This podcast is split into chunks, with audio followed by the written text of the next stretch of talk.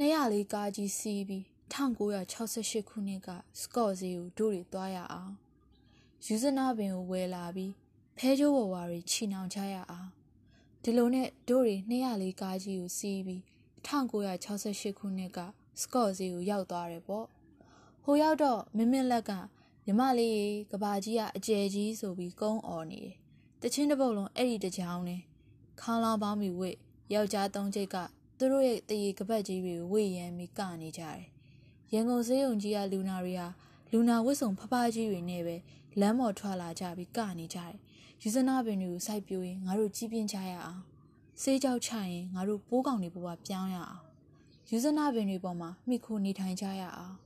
ယူဇနာပင်ရဲ့လှပမှုအကြောင်းငါတို့ရဲ့ကံကြမ္မာအကြောင်းတခြားလူတွေကိုပြောပြရအောင်အသားချင်းထိရင်ရှုပ်ကုန်မဲ့အကြောင်း အမော်မင်းကလေးတွေကိုငါတို့ဘလောက်ချစ်တယ်ဆိုတဲ့အကြောင်းပြောပြရအောင်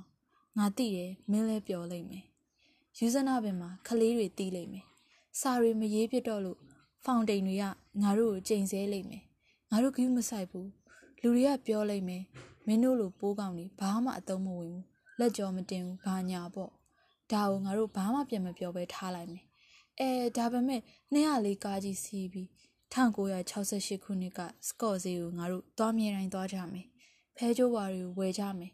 ပြီးတော့ကောင်းကင်မှာလမင်းပုံတရံရေကူးကန်ကြီးမောင်သေး204ကားကြီးစီးပြီး1968ခုနှစ်ကစကော့ဈေးကိုတို့တွေသွားရအောင်